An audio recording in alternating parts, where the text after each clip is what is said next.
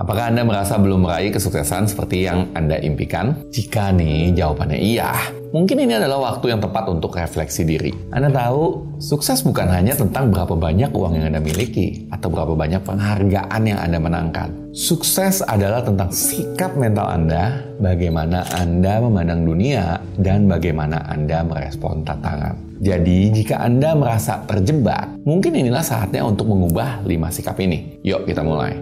Sikap pertama, berpikiran sempit. Anda ingat Thomas Alva Edison, penemu lampu pijar? Saya yakin Anda ingat. Dia mencoba dan gagal sebanyak 10.000 kali guys. Sebelum akhirnya menemukan teknologi yang benar. Bayangin deh jika dia berpikiran sempit dan menyerah setelah upaya pertamanya. Sama halnya dengan Anda. Jika Anda memiliki pemikiran yang sempit, anda akan berhenti mencoba dan berhenti berinovasi setelah upaya pertama Anda gagal. Pemikiran sempit tidak akan membawa Anda ke tempat yang jauh. Itu akan membatasi Anda mengekang potensi Anda. Steve Jobs, pendiri Apple, pernah berkata, mereka yang cukup gila untuk berpikir mereka bisa mengubah dunia adalah mereka yang melakukannya, yang take action. Cobalah untuk membuka pikiran Anda, belajar dari orang lain, dan tentunya terus berinovasi. Sikap kedua, gampang ngeluh. Kapan terakhir Anda berjalan di taman dan tersandung batu. Apakah Anda duduk dan mengeluh tentang batu itu? Atau Anda bangkit dan melanjutkan perjalanan Anda? Sikap yang sama berlaku dalam hidup kita. Ada batu-batu di jalan menuju kesuksesan. Anda bisa memilih untuk mengeluh tentangnya, atau Anda bisa belajar dari pengalaman tersebut dan melanjutkan perjalanan Anda. Mengeluh adalah tanda bahwa Anda lebih memilih untuk menjadi korban daripada pemecah masalah. Coba deh untuk melihat setiap masalah sebagai sebuah kesempatan. Kesempatan untuk belajar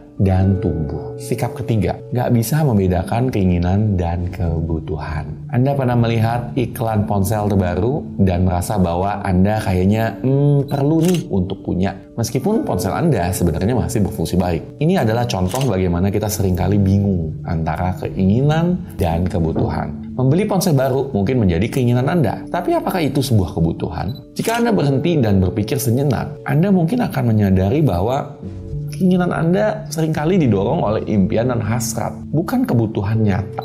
Mengerti perbedaan antara kedua hal ini dapat membantu Anda membuat sebuah keputusan yang lebih baik dan memprioritaskan apa yang benar-benar penting. Sikap keempat, cenderung mudah berpikiran negatif. Pernah nggak sih Anda berada dalam sebuah situasi di mana Anda harus memutuskan bahwa sesuatu akan kayaknya berakhir buruk sebelum itu bahkan dimulai? Nah, ini adalah contoh pikiran negatif yang sedang beraksi. Pikiran negatif hanya akan menghalangi Anda untuk maju. Anda tahu, otak kita cenderung fokus pada hal negatif sebagai mekanisme pertahanan yang kita warisi dari leluhur kita. Tapi di era modern ini, kita perlu melatih otak kita untuk melihat sisi positif dan juga peluang yang ada. Sikap kelima, belum bisa bertanggung jawab terhadap diri sendiri. Saya yakin Anda telah mendengar pernyataan ini sebelumnya. Kesuksesan dan kegagalan adalah dua sisi dari koin yang sama. Jadi jika Anda ingin sukses, Anda harus siap untuk gagal dan belajar dari kegagalan tersebut. Bertanggung jawab atas diri sendiri berarti Anda menerima bahwa Anda adalah penulis cerita hidup Anda sendiri sendiri dan Anda memiliki kekuatan untuk mengubah arah dan tujuan Anda.